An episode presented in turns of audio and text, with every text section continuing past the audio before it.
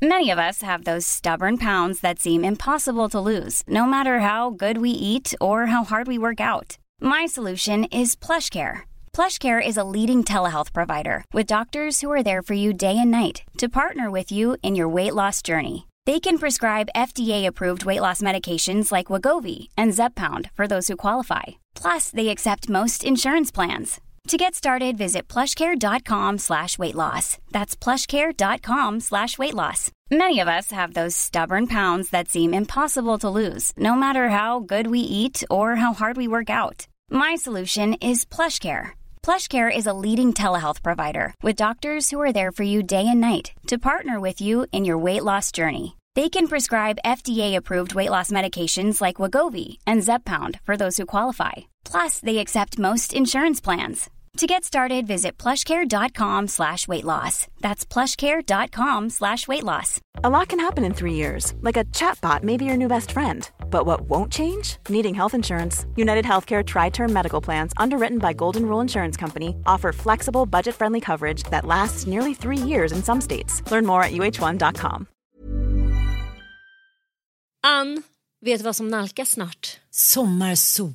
Och min berömda midsommarfest. Det är din älsklingstradition. Och vad passar då inte bättre än att vi denna vecka sponsras av Rusta? Jag drog iväg till Rusta och gjorde, du vet, den här episka inköpskavalkaden.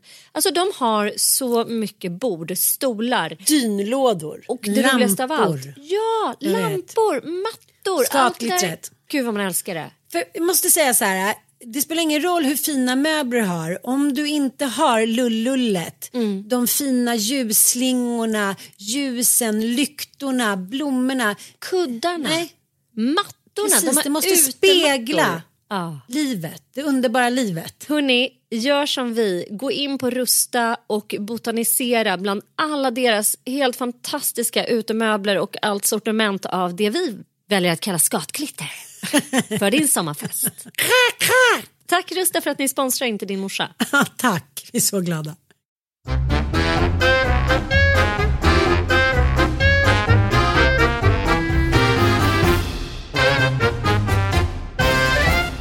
Hej och välkomna till eh, liksom, vad ska jag säga, en käftsmällsvecka. Mm, verkligen. Veckan när eh, poletten trillade ner. Trillade och trillade, den så här, kom, den dang ner i mitt huvud.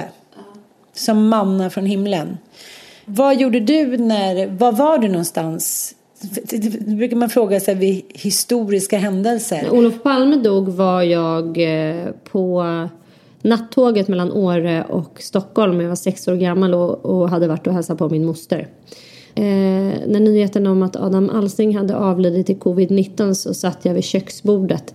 Hade precis avslutat en bolognese. Och eh, så fick jag en nyhetsflash. Men det är också någonting konstigt när man ser bilder på friska människor som när man inte fått vara med under sjukdomsförloppet. Det är alltid lika chockerande tycker jag.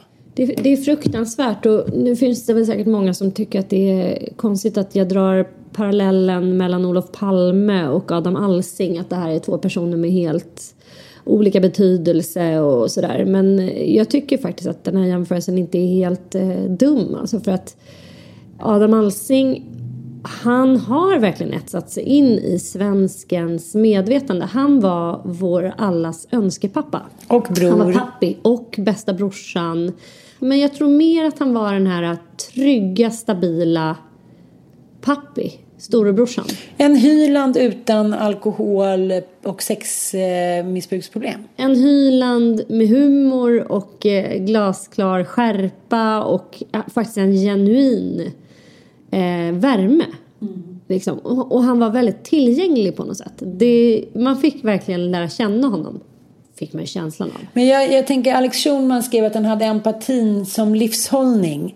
Och det tyckte jag var så otroligt vackert beskrivet. Att, så här, att det var inte viktigast för honom att vara i de mest kreddiga sammanhangen. Det viktigaste var för honom att göra någonting som nådde folk överallt på något sätt. Och eh, det tycker jag var så fint för att han skulle kunna satsa på politik eller på en chefredaktörskarriär på någon av de finare tidningarna. Det pratade jag med honom om någon gång också. Men, men eh, och han, en annan grej som jag tycker är så fin som också Kroneman som är då krönikör, Johan Kroneman som är en elak Tv-kritiker. Men, men jävligt bra och oft, oftast väldigt rättvis. Vilket de flesta som är bra är. Han skrev ju också att han, han sa så här att han kom ofta inte fram i tv. Han fick inte göra så bra program som han var värd. Men han sa, han försvarade sig aldrig. Mm. Han gick aldrig in i liksom motangrepp eller visade sig sårad eller någonting. Utan han körde på. Mm. Och jag kan gilla den, liksom, jag vet inte om man kan kalla den stoiska hållningen, men att det är så här, okej, okay, sitt och kritisera då, men det är ändå det här som folk kollar på och jag vet vad jag kan. För det var, var det någonsin någon som slog honom i den där Adamsvängar. Ja. Fy fan vad jag älskar det. Så jävla vattentät alltså. Jag tror också att jag har en väldigt eh, liksom kär eh, relation till honom därför att jag började lyssna på Mix Megapol. Och det här var ju allt annat än credit. Alla creddiga människor lyssnade på morgonpasset i P3. Men jag har alltid varit en Mix Megapolare och det står jag för. Det är ingen här du behöver stå för det. Nej, och nej, den nej. bästa trion var ju allt, det var Gry, Adam och eh, Timell. Det var liksom oslagbart. Det var så härligt att vakna till dem och eh, de hade så givna roller gentemot varandra och tillsammans var de bara, de lyfte verkligen. Och eh, inslaget Vinn Adams pengar, det var ju helt sjukt för där fick ju han också visa på sin enorma eh, Allmän, alltså han är så allmänbildad. Han är så jävla allmänbildad och så rapp och så snabb och han måste ha fotografiskt minne för att han kan liksom allt om exakt allting. Eh, och jag tror nog inte att det var en käft som slog honom någonsin. Jag kan inte svära på att det var så men det var i alla fall under alla de åren ja. när jag lyssnade så var det aldrig någon som slog honom. Men jag minns ju också att han, han var, han, jag älskar ju framväxten av den kommersiella tvn. Du och jag är gamla nog att ha varit med om det. Att det förändrade svensk, alltså he, våra liv extremt mycket mer än vad man kan tro. Alltså från att ha vuxit upp med någon slags eh, kommunistera när SVT, det fanns bara kanal 1 och kanal 2 och Utbildningsradion. Mm. Eh, och allt vi fick och brus-tv. Som brus man somnade i soffan. Googla det ni som Myr-tv. Ja. Eh, Myrornas krig. Myrornas krig. Ja, men sen kom trean och fyran och femman eh, och förändrade hela och vi fick helt plötsligt se allt ifrån slaskig underhållning till såpor till, ja men det var ju sånt, sån götta för en ut tråkad tonåring helt enkelt när en kommersiell tv slog igenom. Och han var ju programledare för några av de kanske kackigaste formaten ever och lyckades ändå göra dem med en ära. Ja. Tur i kärlek 1991. Ja. Kommer du ihåg den? Ja, gud. Tur i kärlek. Ska vi lyssna lite på the theme song?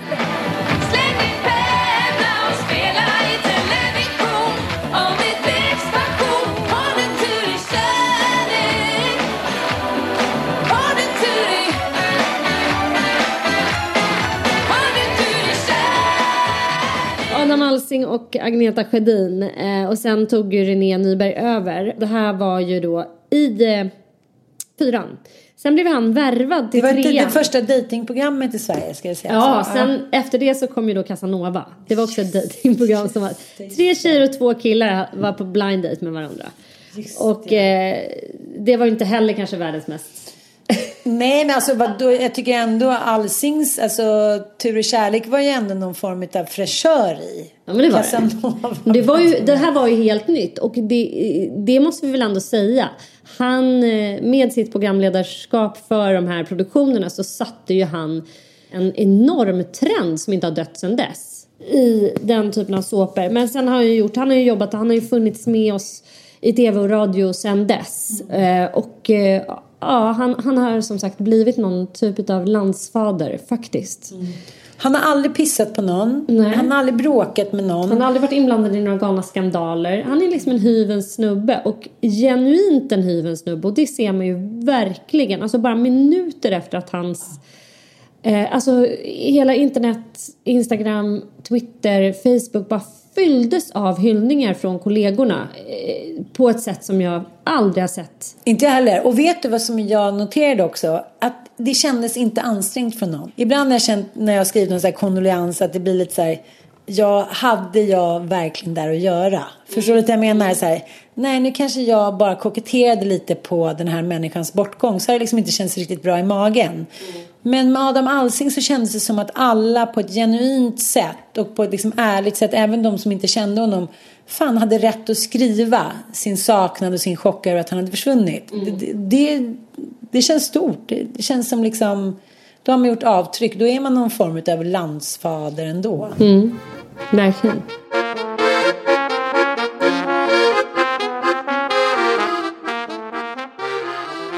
Det har ju varit ett stort mediebråk kan man säga. Det har eh, publicerats en eh, debattartikel i eh, Aftonbladet så med rubriken Folkhälsomyndigheten har misslyckats med sin coronastrategi. Den här publicerades ju alltså då för eh, drygt en vecka sedan. Det är 22 forskare. Det här är alltså smartasses. Det är eh, allt ifrån ja, men liksom, professorer till epidemiolog, epidemiologer doktor i virologi, professor i molekylär onkologi. Det är professorer på löpande band samt infektionsläkare, fil doktor i internationell hälsa. Ja, men det här är liksom, det här är toppar inom inom medicin eh, som går ut då i en, och hårt kritiserar eh, Väldigt hårt. Läsa rubriken som är så tafflig så att man tänker Ja men Anders Tegnell då eh, ska ju typ avgå för han har ju misskött och det här är en idiotisk strategi och folk menar, ja, de här 22 forskarna menar att det här är, ja, de är liksom obenägna att eh, inse allvaret i det här. Anders Tegnell går ju då ut med ett svar. Som ju är bara så här. Det ökar ju på hans pappa skills, alltså landsfaders skills. Det är inte så många pappor som är så där länge, men så som äh, man tänker att så som man tänker och så som man skulle önska. Men vi tänker att han är bara en arketyp för den goda fadern. Precis. Helt otroligt. Eh, han pekar ju då på framförallt så jävla klantigt att de har så felaktiga dödstal och siffror. De har inte ens lyckats, de här 22 forskarna, skrapa fram korrekta siffror vilket är så otroligt genant så att de får gå in och göra en rättelse sen efteråt. Då tycker jag så här, har Den inte, mest då tar man väl bort debattartikeln? Hon är professor och virusforskare. Hon heter Cecilia Söderberg Nåkler. Hon vill också att Anders Tegnell ska avgå. Hon mm. hävdar att det här är ett högriskexperiment som han håller på med. Okej. Okay. Och kritikens kärna det är ju då att Sverige inte vidtar tillräckligt kraftfulla åtgärder. De vill ju se en lockdown och det är som sagt flera som vill det. Och det här är ju verkligen två läger. Vissa vill det, andra tycker inte att man behöver det liksom. Men han är bara så, han är så jävla klockren. Han blir aldrig känslomässig Anders Tegnell. Han bara det är det jag menar. In. Han har förnuft och inte känsla. Ah, och där sitter det. Liksom... Det var väl Lena Einhorn som satt med på länk där också. Ah. Och viftade och skrek och hit och dit. Jag känner så här. Ja men mm. om du ska ge in i leken så får ju leken tåla. Mm. Liksom, jag tycker det är helt otroligt. Men ja, jag älskar Anders. Ja, men han, har, han har heller inte det är det som är så härligt. Det finns ingen som klarar av att så här, eh, du har fel. För han bara, ja Eller så har han liksom inte så stor prestige heller. Han är, han är jävla prestigelös. Han blir aldrig känslomässigt galen om någon hävdar att han har fel. Han bara, nej det är mycket riktigt. Det blev kanske inte riktigt precis som vi hade trott. Men vem skulle kunna ha gissat det? Och det är mycket riktigt i den här situationen att så här, hur fan skulle vi... Jag har sett andra galna människor på Facebook som Precis som Donald Trump som hotar Indien. Det var också en sjuk grej som hände igår. Att han så går ut och så hotar Indien för att de vägrar sälja sitt enorma lager av hydrokloroxin. Jag kan inte ens säga det. Det låter ju som Donald Trump. Det är väldigt roligt när han... Har du sett det där klippet med honom? Nej men alltså han när är så galen så att CNN... Han är så fruktansvärt galen alltså. Nej, det har inte sett. Men han vill köpa upp ett för det är ett indiskt... Eh, ja, någon typ av medicinskt företag som tillverkar den här medicinen som egentligen är mot malaria och den har ju då i, alltså nu har jag inte kunnat göra några studier men den, den har verkat funka då mot covid-19 för vissa personer. Och då vill han köpa upp hela jävla lagret. Han ska inte köpa, han vill typ köpa hela jävla Indien för att få tillgång till den här, alltså han är så galen. Han tror fall- också att han kan det, det är det som är härliga. Ja, han tror det. Och han tror att han kan hota sig till. Han vill typ starta krig för att få tag i den där jävla medicinen och typ bomba. Ja, men det är, det är så obehagligt. Så han, han går alltså in och hotar dem i direktsänd tv typ. Och Indien bara, eh, är du helt dum i huvudet? Det här funkar inte på oss. Vi kommer hjälpa våra grannländer och länder som är i akut behov. Naturligtvis, alla som vill köpa den här medicinen i så höga eh, ja, vad heter det, batcher som möjligt kommer ju få göra det. Men vi kan ju inte låta honom bara så här roffa åt sig allting. Alltså, nej men så fruktansvärt pinsamt.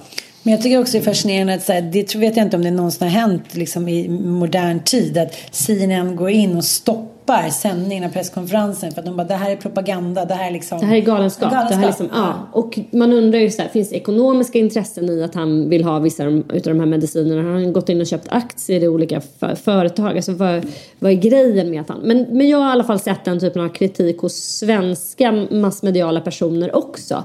Varför gör man inget? Varför får man bara ligga och dränkas i sina egna lungor? Varför använder inte vi de här medicinerna? Eh, och det är ju för att det finns inga studier som visar att de här hjälper. Det kan ju faktiskt vara så, vilket de här eh, extremt korkade personerna måste jag säga. Det skulle ju kunna vara så om man ger en väldigt sjuk person någon typ av medicin som man ska testa lite grann. Kan det ju faktiskt lika gärna vara så att den här stjälper en människa och gör dem sjukare. Vet du hur många det är som dör av medicinförgiftning i Sverige? Det är en av våra vanliga. pratas det också väldigt tyst om. Det pratar vi inte om. Så man vill bara pumpa i redan sjuka människor massa jävligt tunga mediciner för att se lite vad som händer. Det skulle kunna bli bra. Mengele tillbaka. Mengele light. Ja, men har, det är ändå sjukt att de kallar honom för Dr. Tengele. Tegnell. Ja men jag Men kallar liksom, honom teg, en, en ja, om Tegnell jag vår låg och hade befriare. covid-19 och var desperat, det är klart man säger ge mig vad fan Ja, som ja. helst. Fast ändå, eller inte. Eh, inte Jag så vet. kul att bli ipumpad någon jävla skit. som man- svensken är inte så kritiskt inställd. Vi, säger, vi tar det vi får. Vi har aldrig ifrågasatt liksom, staten eller regeringen. Men jag har en kompis som faktiskt haft covid-19 och varit riktigt illa däran som också har fått ta eh, malariamedicin. Mm. Och nu har de tagit bort den. För de har sagt att det är inte bra. Det funkar Det hjälper inte henne? Nej. Okej. Så att, ja, jag vet inte. Men jag tycker att det är väldigt intressant. Det finns ju en författare som heter Marcus Torgeby. Mm. Och han levde ju då ensam som eremit i de jämtländska skogarna. För jag tycker att det är i fyra år. Och jag tycker att det är så intressant att så här, hjältar, eller så här, vad ska jag säga, hjältar vi inte har vetat om med kunskap som ingen har brytt sig om innan kryper nu fram bakom mossiga stenar och fallande ekar.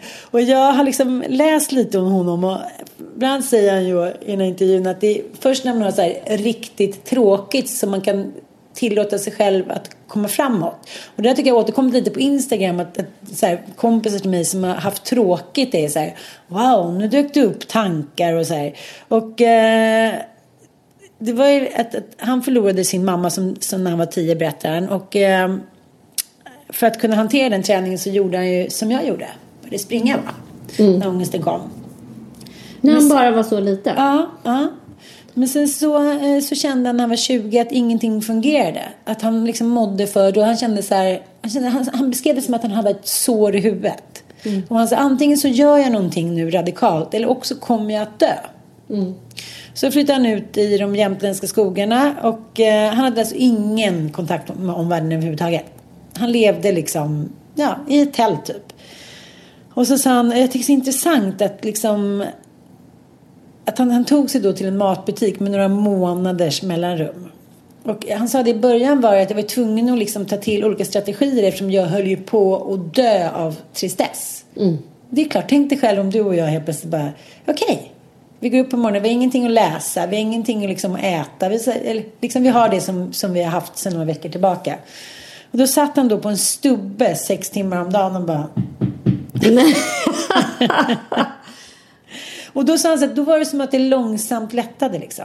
Till slut så var det bara så här, jaha, en känsla av att tiden liksom bara flöt ihop. Ja.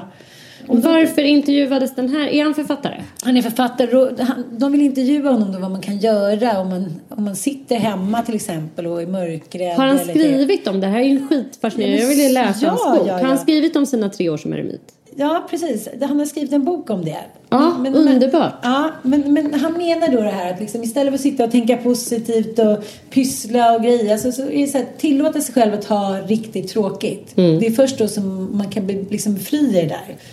Och, så och liksom, att säga till sig själv, jag har tråkigt, det är okej. Okay. Ja.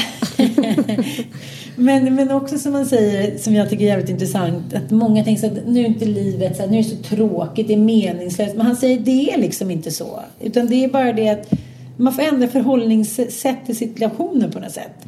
Och nu liksom roligt att nu har han ju så barn och fru och allting. Och, ja, han åkte tillbaka till sin kåta för några veckor sedan. Fick flashbacks ja, till sina ja. tre år som eremit. Men en grej som jag tycker, och det här låter ju kanske larvigt, men att bli begränsad så här, som man ju faktiskt är, framförallt så kan man inte resa. Dels så har jag insett hur mycket jag har levt för att resa mm. och hur mycket jag har egentligen sprungit eh, runt. Eh, jag springer runt och springer. Som Magnus Lindberg sjöng en gång. Men det är, jag har så svårt att sitta still.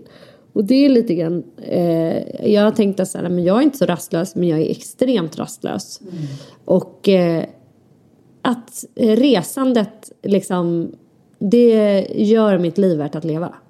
Jag längtar så jävla mycket. Jag sa till barnen igår så här, när den här skiten är över. Alltså jag kommer, jag kommer åka på en jorden runt-resa. Mm. Jag kommer vara tvungen Jag vill ju bara tågluffa. Ja, jag vill tågluffa. Jag, bara, här, jag vill åka till Paris, jag vill vara där fyra mm. alltså, veckor och bara här, njuta mm. där. Och sen vill jag därifrån åka till Aten och så vill jag... Och, och, nej, men jag, jag längtar så mycket efter alla... Man blir så också, det som händer tycker jag också att man ser allting så glasklart. Man inser så här, alla ställen man har älskat. Ja. Det är inte så här, måste se nya ställen. Nej, nej. Måste, jag vill, jag, säga, jag vill tillbaka till ställen jag älskar. Ja. Ja, men jag, vill, jag, jag längtar så ofantligt mycket. Jag vill till Rom, oh, jag vill till Toscana, jag vill till Florens, jag vill till Venedig. Gud, jag, vet du, jag skallfryser nu. Ja. Och, och, då tänker jag lite det här som essensen av den här fantastiska författaren Marcus Torgeby, Torgeby, Torgeby som vi alla nu ska läsa om. Han säger så här Tänk dig att omfamna rastlösheten och bara vänta ut den där du sitter där liksom i din ensamhet eller vad det nu handlar om. Och sen så bara liksom eh, till slut så släpper du kanske känna så här, gud jag kan ändå ha det härligt trots att det är så. Jag kan se på livet som att det är fantastiskt. Mm. Och så säger han också så här, när allting, eller det kommer inte bli som förut, men när du får resa igen eller göra de grejerna som du älskar, fatta hur jävla gött svettigt det kommer vara. Vi kommer inte liksom eh, titta bort när solnedgången är på den där stranden som vi älskar. Vi kommer inte liksom säga, äh, men skiter i att gå upp nu. Så här, ska... Vi kommer inte sitta liksom på vårt sommarställe och klaga på att det är så här, gud, vad jobbigt det var att klippa gräset, nu regnar det, vi åker hem. Gud, jag blir nästan så här, jag blir nästan lipa. Liksom, jag känner så här, jag har en sån fysisk längtan efter ställen och liksom som jag älskar, som mm. Gotland. Mm. Eller liksom, Grek, liksom Mallorca eller liksom havet i Grekland. Eller liksom färgerna. Det är, så här, det är så fysiskt. Det är nästan som att ligga och vara, liksom, vad ska jag säga, handikappad. Alltså mm. man har blivit liksom förfryst och ja. amputerad. Jag bara mm. liksom dagdrömmer. Och det är väldigt, väldigt spännande. Alltså mm. ens frihet, ens rörelsefrihet tas ifrån Jag förstår att folk har varit beredda att dö för den. Alltså. Mm. Att bara kunna säga röra sig fritt. Det är en mm. konstig känsla. Det är som att man säger. Det är en enorm, och det är just det resandet är för mig. Det är en enorm frihetskänsla och det är också en enorm symbolakt. Det är den där känslan av att så här, okej, okay, jag kan faktiskt göra någonting konkret. Jag kan dra härifrån. Mm. Jag bara köper en flygbiljett eller en tågbiljett och så bara drar jag härifrån. Det finns en aktion i det som är så jävla symbolisk tycker jag. Men och den det... har ju du och jag alltid haft ett behov av. Ja. Att här, ha en liten springa mm. öppen mot mm. så här, både flykten Evigheten. och äventyret. Mm. Även, äventyret, det stora äventyret. Vad vore livet utan det?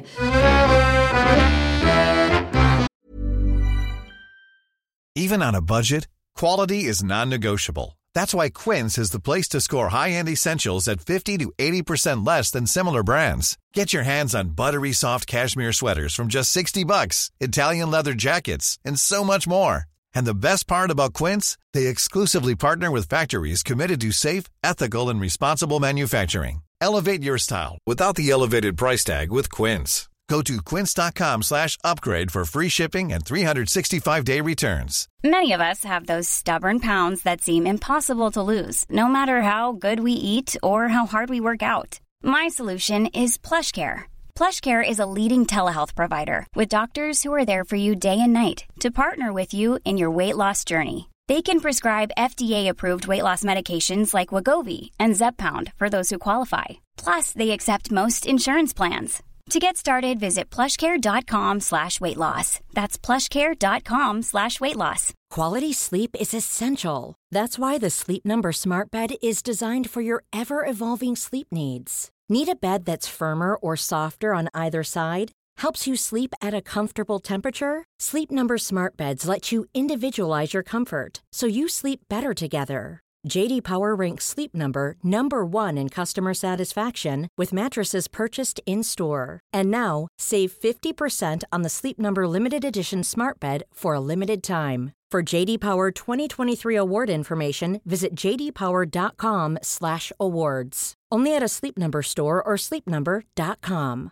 This is Paige, the co-host of Giggly Squad, and I want to tell you about a company that I've been loving, Olive and June. Olive and June gives you everything that you need for a salon quality manicure in one box. And if you break it down, it really comes out to $2 a manicure, which is absolutely insane. It's also so easy to get salon worthy nails at home with Olive and June. The difference between how your nails used to look when you did them yourself and now with the Manny system is a complete game changer. The best thing about Olive and June too is it's a quick dry, dries in about one minute, lasts for five days, and full coverage in up to one to two coats. Visit oliveandjune.com slash perfectmani20 for 20% off your first system. That's oliveandjune.com slash perfectmani20 for 20% off your first system.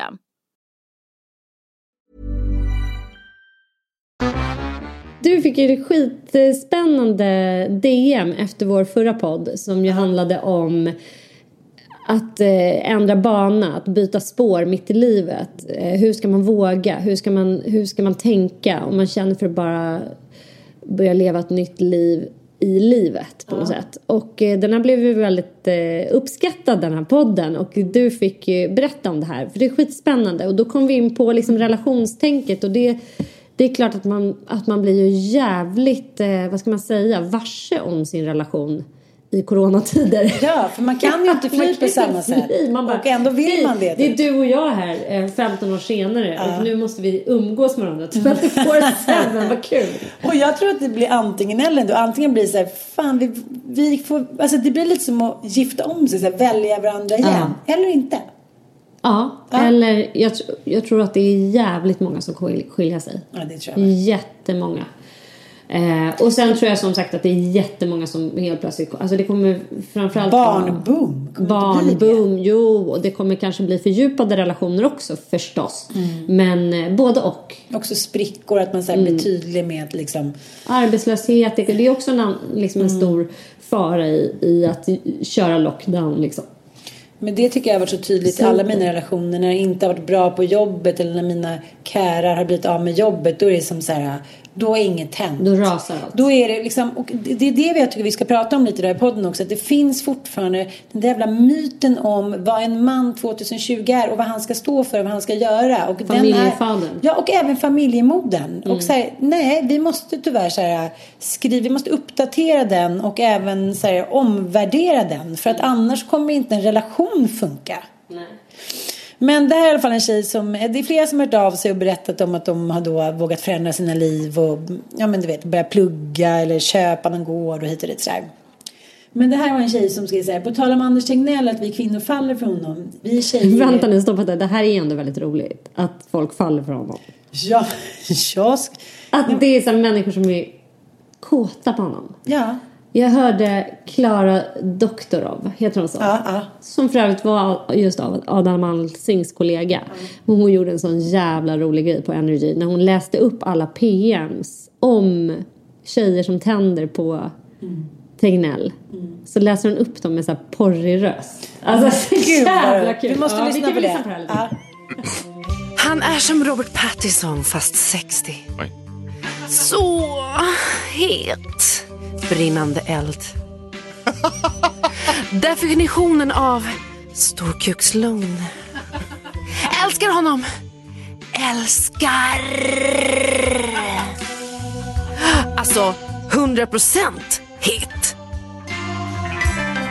Tycker att han klär sig så snyggt. Jag tänkte på Tegnell igår. Ja, men det här är ändå så jävla kul. Att, att han har blivit en sån sexsymbol. Men det är det jag menar. Att det är så här, han är ju pappan. Den stora trygga liksom, landsfadern. han är också eken. Han är liksom... Ja, han står fast. Ja, och men- som du sa, förnuft och känsla. Och att vi behöver den där polariteten i Mm. en relation. Även om det kanske, det, det tror inte jag har att göra med genus. En måste vara mer förnuft och en måste vara mer känsla. I din och Mattis relation, vem är förnuft och känsla där? Jag tror både liksom, jag tror också att man blir också, som du säger, det har också varit väldigt nyttigt för mig att inte hemfalla åt små snuttefilter eller så här, okej gå in på nätet och köpa något litet eller jag bara går ut och, eller jag bara reser dit hit och dit. Det har också gjort att jag eh, har omvärderat sånt som jag kanske har tyckt var så himla viktigt innan. Liksom. Det blir också ganska tydligt tycker jag när man inte om man inte riktigt hunnit med varandra i en relation som jag inte tycker att jag och Mattias har gjort. Eh, Framförallt inte senaste året. Och då blir det väldigt tydligt just både fysiskt och psykiskt tycker jag. Och vi ska komma det till den här eh, snubben som eh, en Du våra fick då. tips där av... eh, Jo, precis. Hon sa så här att, ja men apropå att det är så många som då går igång på Anders Tegnell. Och jag tror också att det handlar om det är också svårt när det kommer en ny mans eller kvinnoroll och så vet man inte riktigt vilket ben man ska stå på. Och så försöker man, tänker man så här att man ändå är uppväxt och sett sina föräldrar bete sig på ett visst sätt och det är svårt att omvärdera den rollen. Men Anders Tegnell är ju ja, men lite som, så, som man tänker sig Abraham i Bibeln. Att han är så här, ja, ja, de eh, liksom, ja men, du vet. Man får väl ta livet av sin son eller du får ta livet av din son. Du måste bara visa dig värdig. och så tycker jag lite med Tegnell. Han står liksom lite som en, en ett urminnesstod eller som en 70-talist-farbror. Han är så här, han bryr sig inte om prestige, han bryr sig liksom inte om, om så här kläder eller yttre. Liksom, han är inte kokett, han är inte så här, skriker inte högst. Han försöker liksom inte visa sig vara någonting med någon, han är inte fåfäng för fem öre. Plus att han har liksom jobbat med det så många år på ställen i Afrika. Liksom, han har så här, varit på the toughest fucking places on earth. De här liksom små fjärtarna som står och skriker så här. Det här är inte Björn Tegnell. Jag tror inte, he doesn't give a fuck. Jag tror faktiskt att det är så. Och eh, men då tipsade hon i alla fall om eh, ja, om en man, eller vadå en man? Ja, en man. För att han själv insåg i sin relation att så här, gud vi tänder inte på varandra längre. Jag har målat upp bilden av mig själv som att jag ska vara som en man. Så här, jag ska ha ett good work. Jag ska så här, Take care of my family, Precis. bring on the bacon. Vad heter han? John Wineland. John Wineland. Och eh, alltså, jag tycker också att det är väldigt roligt. Sen berättar hon ju om typ hela sitt liv. Att hennes man har då dött i en eh, ja, i cancer. Det gick väldigt snabbt och helt plötsligt så var hon då eh, jag menar alltså ensamstående med tre barn. Eh, och skriver hon så här, här kan du för, förkovra dig i ämnet, så jäkla intressant. Gick förresten själv spontant en tantrakurs i höstas som jag aldrig trodde att jag skulle göra och där stötte jag på en man och blev kär. Gud så spännande, hur var det? Jag har glömt min underdel skriver jag, jag är en kentaur. Det tyckte hon. du vet, det har varit mycket, mycket och mycket och jag började satsa på mig själv. Råkade då bli en tantrakurs. Ja, du fattar. Och sen ångrade jag sig men gjorde jag hit och dit. Och sen berättade hon då om mötet med den här mannen. För jag frågar ju så här, men gud spännande det här och liksom hur var det då? Nu skrev hon så jag mötte en man då på andra övningen och kläderna var på den dagen i alla fall. Alltså jätteskratt. Vi skulle titta i varandras ögon och typ man ser oss själva i håret och visa hur det kändes för personen mitt emot. Och då blev det kärlek vid första ögonkastet. Kastet. Så det var ingen sexkurs utan en kurs i att visa sig sårbar. Jag tycker att det där skulle kännas väldigt genant att gå på en tantrakurs. Det är någonting för mig, Oerhört alltså så jävla pinsamt rent ut sagt.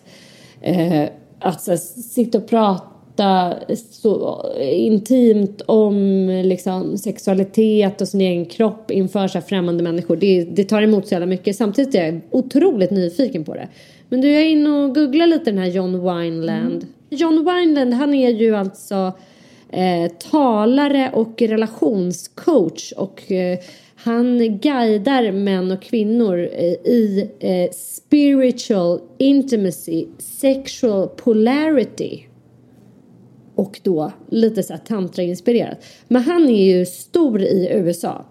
Han eh, har en blogg och han är, medverkar i flera olika poddar liksom och har dels en podcast, en stor serie med Juliet Allen mm. där han då blir intervjuad och sen så finns det olika videos.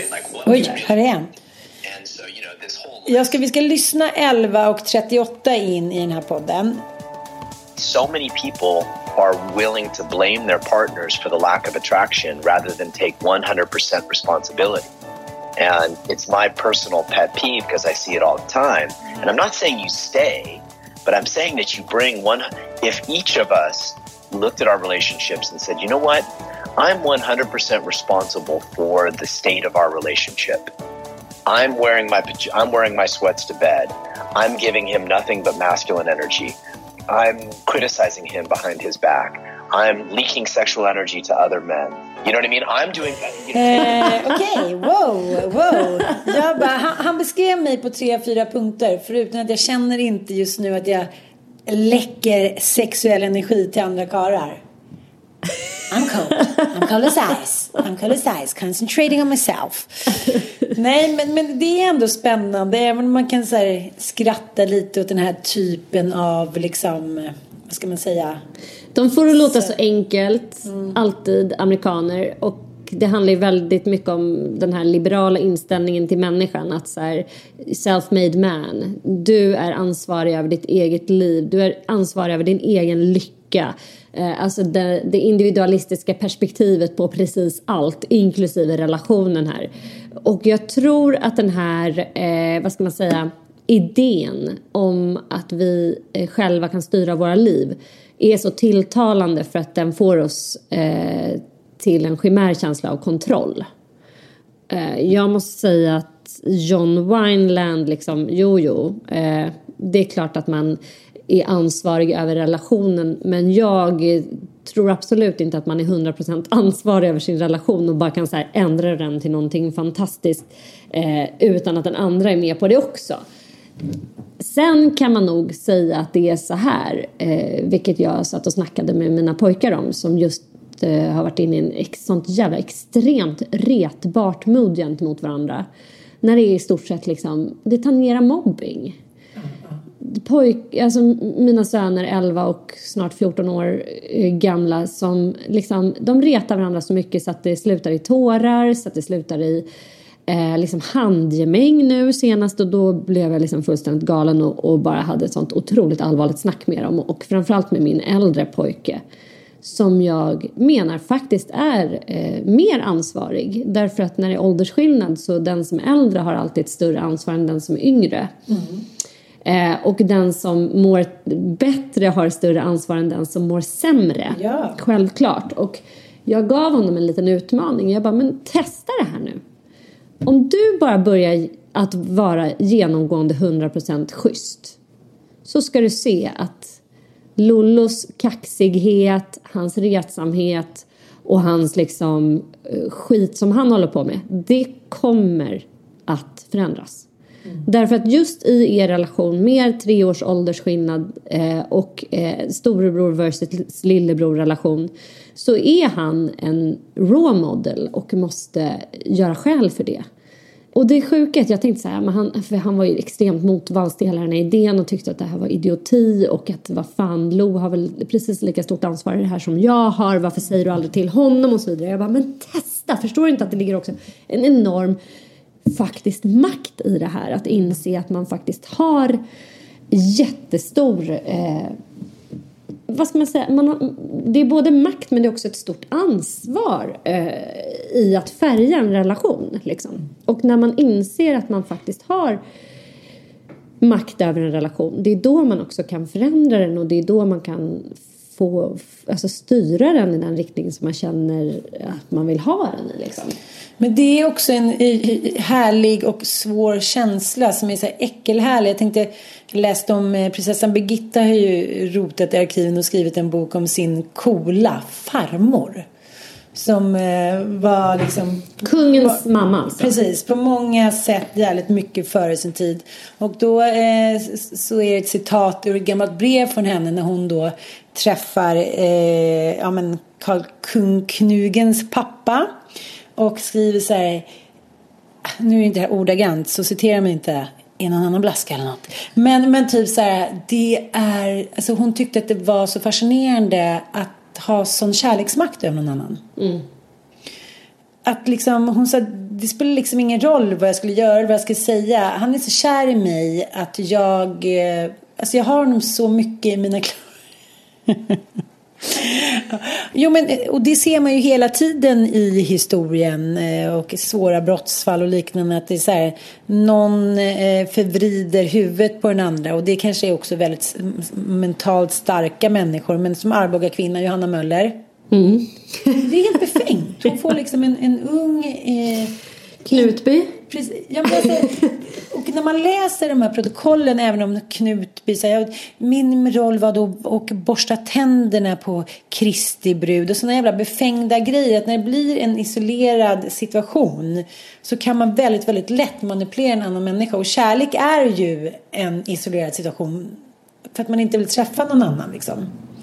Så att, eh, äh, men, men är den, den där killen. känslan, jag tänker, ja. ja. men självklart så i, i, i, om man nu går tillbaks till där vi började, John Wineland, relationsexperten. Mm. Sårbarheten. Eh, sårbarheten. Och det han pratar om, polariteten. För att sexual energy ska uppstå och chemistry. Mm. Och att eh, polariteten, men han, han, han sammanfattar ju, man kan tycka vad man vill om det här self-made man och att man har ansvar över relationen och så här, men det har man ju, punkt slut. Mm. Även om man kanske inte är hundraprocentigt ansvarig så är man i alla fall 50-procentigt ansvarig och om man bara hugger i och gör sin del då kan man i alla fall gå ur relationen med, med, med gott eh, vad ska man säga, eh, ja då känner man i alla fall att man har gjort sitt allra, allra bästa. Ja. Eh, men att gå runt där och tycka att någon annan liksom inte har gjort sitt eh, medan man själv går runt i mysbyxor. Mm, mm. eller liksom... Är det något fel? eller klagar eller ja och så vidare. Jag vet inte. Men Nej, jag håller med om det, men samtidigt så är det så här, lika, han pratar ju också om, det kan vi lyssna lite på också, hur han själv hamnade i insikten att så här, fan jag måste så här, rekonstruera mig själv mm. och bilden av mig själv för att det här funkar ju inte. Mm. Vi ligger inte, vi tänder inte på varandra, vi är liksom, det är något fel på vår relation. Då, då säger han så här. So I had on the outside what looked like a, a beautiful marriage, and yet we couldn't seem to make each other happy. And so I realized that, you know, this kind of myth of the good husband that I've, that I've called, I call it now is really just, um, it, it is that it's a myth. And it actually turns out to be more of a starting point for men now with, with the modern woman, uh, than it used to be, right? You know, 50 years ago, you know, that was what you needed. You know, you're a good man, you support her and her dreams, you're a good father, you make money, and you know that's everything that you need to be a good husband. Well, today it's it's much different to be a um, to lead as a man in relationship takes a lot more than just those things. And so I started there and I realized I had not, you know, nobody taught Här menar han då att liksom bilden av vad en man eller en kvinna ska vara idag, är, liksom, det stämmer inte längre. Och det kan jag också liksom känna i typ alla mina relationer nästan. Kanske inte den med mitt ex för att han kanske inte hade den role model-känslan. Men det finns, jo, jo. Han tog inte del av så mycket. Nej, men jag fattar. För det, fast det finns ändå en så otrolig skam i att inte vara den som brings home the bacon. Det tror jag bara liksom är någon universalkänsla. Och det pratar han mycket om här då eh, vår gode eh, föreläsare John Wineland. Att, här, om vi aldrig pratar om det där att så här, kvinnor och män är olika och försöker så här, göra någonting bra av det istället för att fastna i ja, någonting annat, då blir det också svårt. Liksom.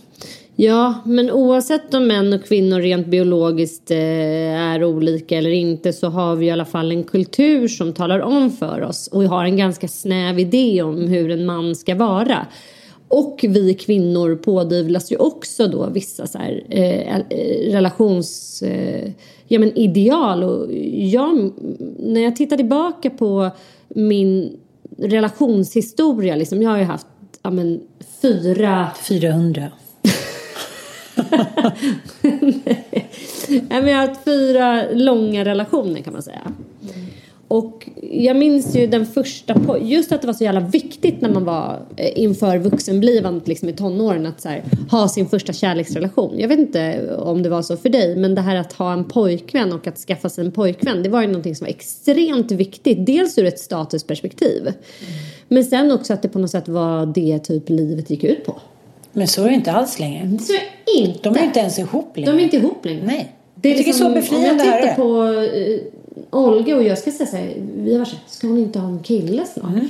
Du vet, det är vi som är brydda för att vi har blivit fostrade via media, olika typer av så här, Ja, men jag vet inte riktigt var, vem det var som matade så hårt med den idén. Om det var historiskt också på något sätt att så här, nej, men en, en kvinna är liksom ingenting förrän hon har skaffat sig en man. Typ. Alltså jag vet inte nej, varför men vi det har var ju så inte varit då. någonting och i många länder är vi fortfarande ingenting. Rent historiskt så har vi inte varit någonting. Nej, alltså, vi, har vi, det har varit samma sak som att dö eller hamna ja, på fattighuset. Det är så här, men, manlig egendom och för Ja. att alltså, och det får mig raskt eh, in på en serie som jag har börjat se nu i dagarna som heter Unorthodox. Har du sett den? Nej, jag bara läste om den. Herregud. Alltså, my god, du måste bara se den.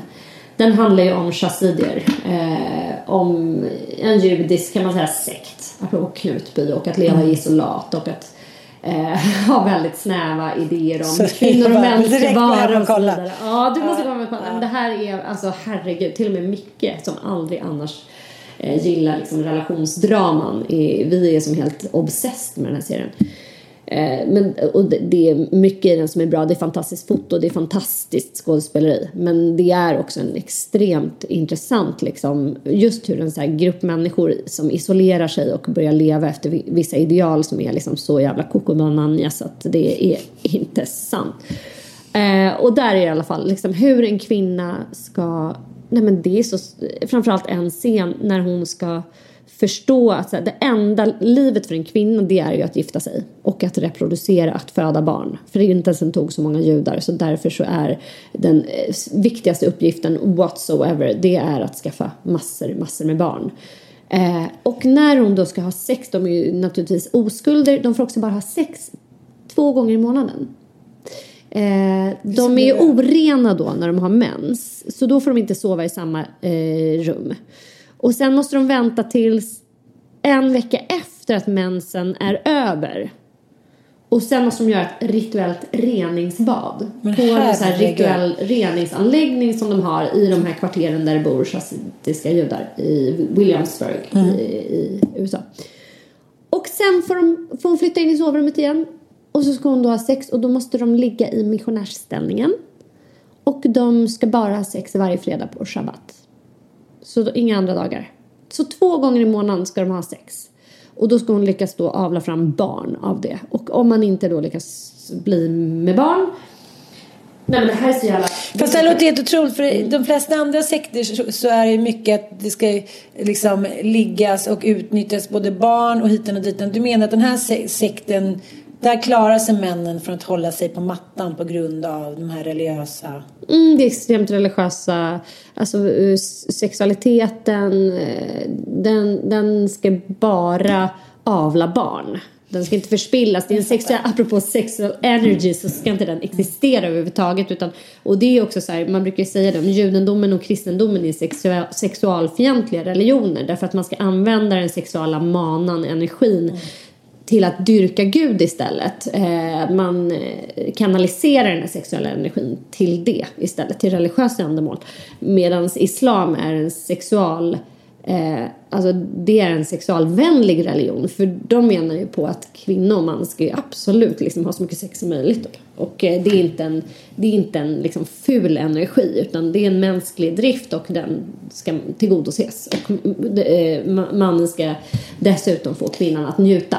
Men, men ändå så är det ju såklart att kåtångesten har ju alltid strösslat över på, på kvinnor. Jag menar, inte hur många kompisar jag har som känner sig och där har man legat och suktat och här velat ha sex liksom männen har varit här, har somnat och dit. Så att även i, i samhällen som våra som är liksom öppna och inställda till sexualitet så kan man ju känna att man liksom, man märker också på männen att man är så här, en kåtkråka som är så här, he, he. Att det gör också väldigt många män osäkra att inte få liksom kliva upp och stövla upp typ. Och sen så kan de inte riktigt det. Mm. Och då blir det jävligt konstigt med energierna för de ska slungas fram och tillbaka och ingen vet riktigt vem som ska göra vad och sen blir det liksom ingenting.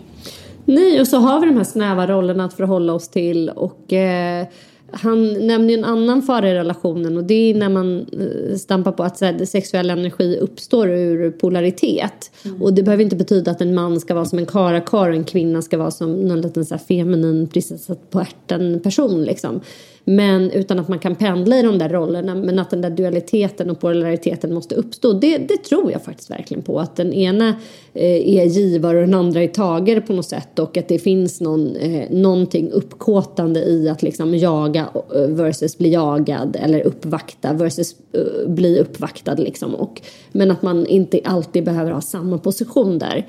Eh, men jag tänker att det, det är ändå, han menar när man, så här, när man jobbar tillsammans eh, vistas med varandra hela tiden och det är väl det som händer i corona-viben. Det är då liksom det blir bara varken hackat eller malet. Man blir en och samma enhet och det är väldigt svårt att få sexuell energi att uppstå ur det.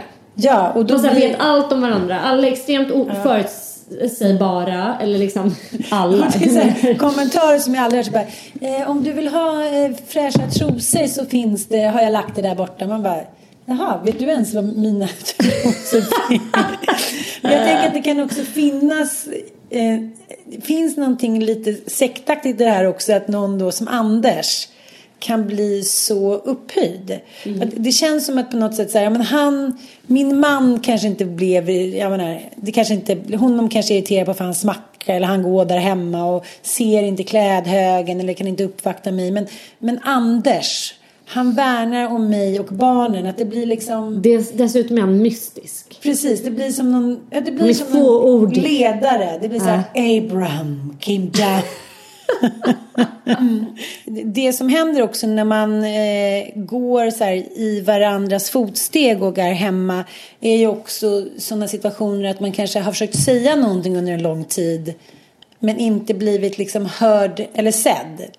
Och nu blir det väldigt tydligt att man, så här, man kanske lägger in en offensiv när man är med varandra hela tiden. För det är ju ett sätt att, att, liksom, att, vad ska jag säga, att hindra att de här känslorna kommer upp i att leva lite parallella liv. Mm. Men det blir ju svårt när man inte får göra så mycket. Att leva parallella liv. Och då kan jag tänka mig att ganska många kanske blir konfrontativa. Att det blir så här, men så här har jag känt länge nu. Alltså mycket så här filmsceneraktigt. Så här. Eller? Kasta strykjärn i väggen och... Uh, nej, och, och jag, jag, jag får bara lyssna på det här då. Well, I think it's important that we get clear on what we want, right? Like what we really want. And so, you know, this whole list uh, that I see people come up with sometimes, you know, it's great, but it doesn't, you know, usually within that list, there are two or three things that are the most important things. Now, for, for example, with women, what I hear a lot, normally it's they want a man who is conscious and present and able to lead them someplace they can't lead themselves. Mm, beautiful. Now, that man may not be, um, you know, their best friend, may not want to go shopping, may not want to, um, may not be, uh, may not fit a lot of the other things that you see on these lists sometimes. Um, and because they're, if, if, if what I hear from a lot of women is that I want a highly masculine man, well, a highly masculine man is very focused on purpose and is single mindedly focused.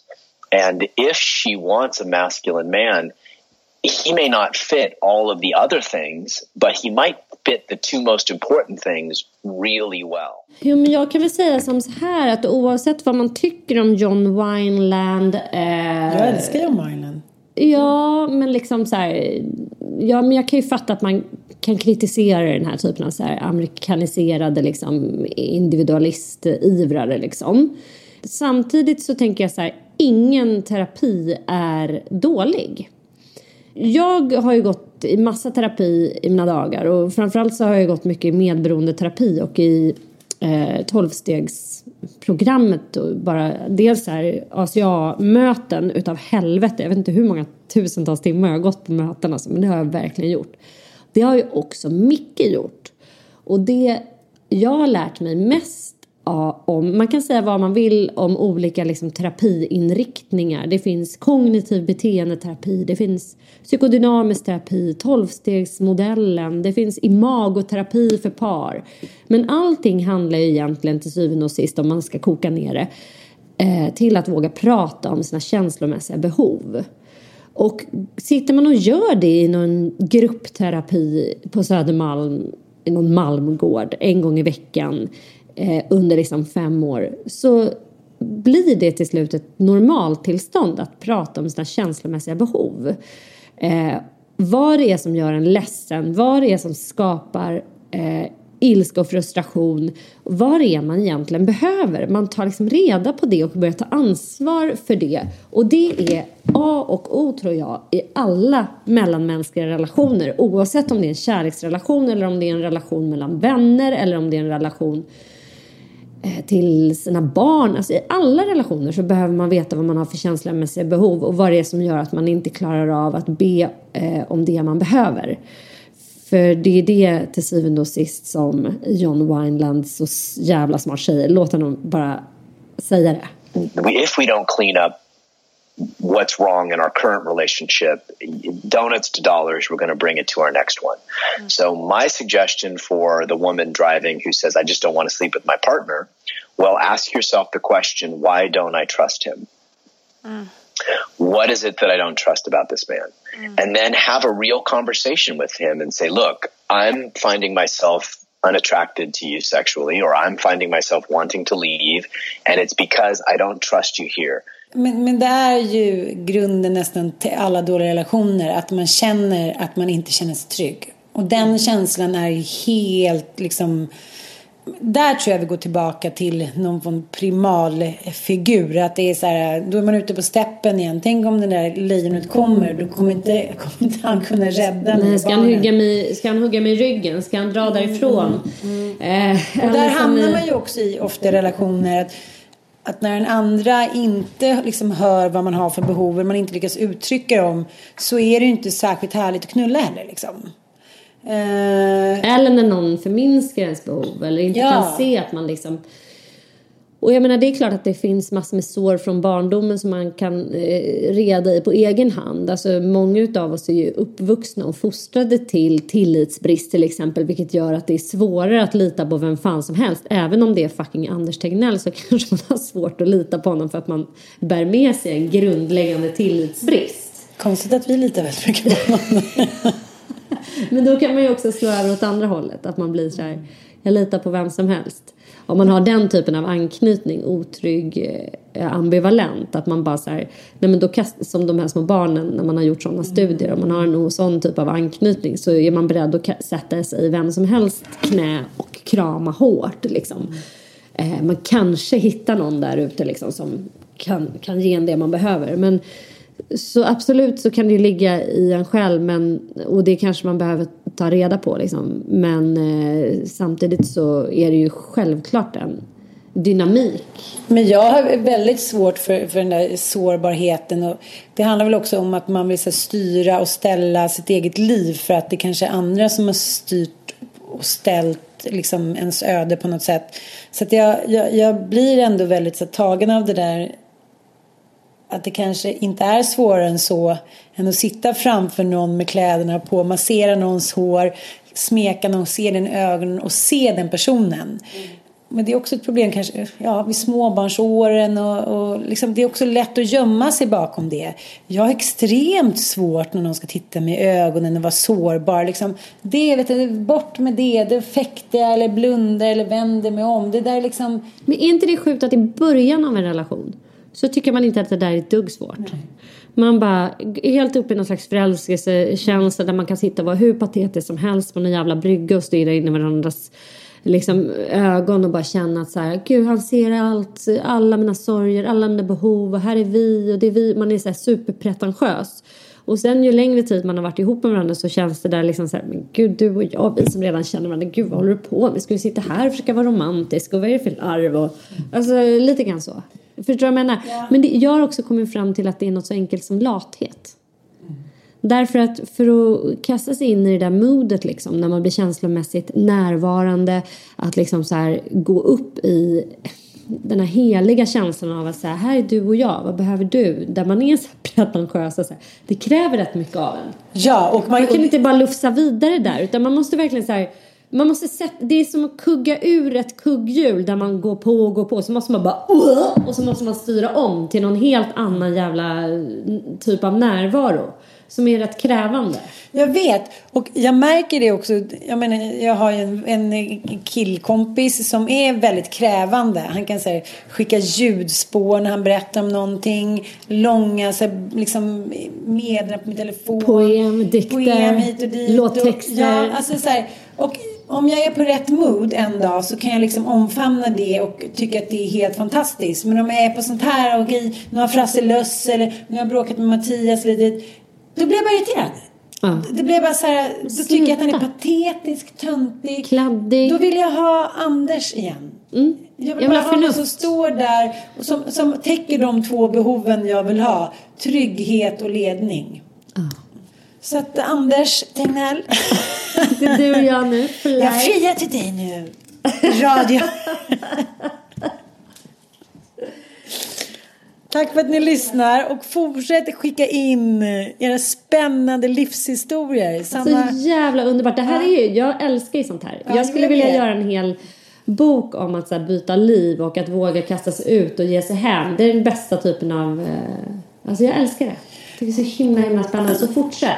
Och kom också med fler önskemål. Det var så roligt att kunna få göra en podd eh, på ett tema lite grann så, mm. så har ni fler teman? Ja. Gud, jätteroligt. Och glöm inte att lyssna på Sannisen på torsdagar i Karlavagnen. Hon är så bra. Puss och kram!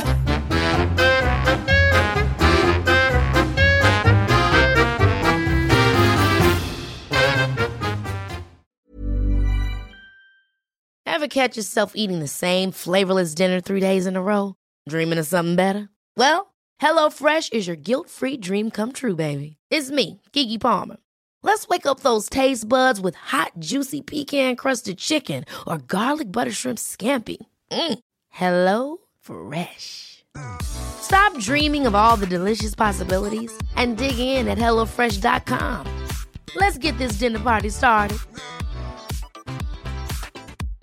Imagine the softest sheets you've ever felt. Now imagine them getting even softer over time. That's what you'll feel with Bowl and Branch's organic cotton sheets. In a recent customer survey, 96% replied that Bowl and Branch sheets get softer with every wash. Start getting your best night's sleep in these sheets that get softer and softer for years to come. Try their sheets with a 30-night guarantee. Plus, get 15% off your first order at bowlandbranch.com. Code BUTTERY. Exclusions apply. See site for details. Planning for your next trip? Elevate your travel style with Quince. Quince has all the jet setting essentials you'll want for your next getaway, like European linen, premium luggage options, buttery soft Italian leather bags, and so much more. And is all priced at 50 to 80% less than similar brands. Plus, Quince only works with factories that use safe and ethical manufacturing practices. Pack your bags with high-quality essentials you'll be wearing for vacations to come with Quince. Go to quince.com/pack for free shipping and 365-day returns.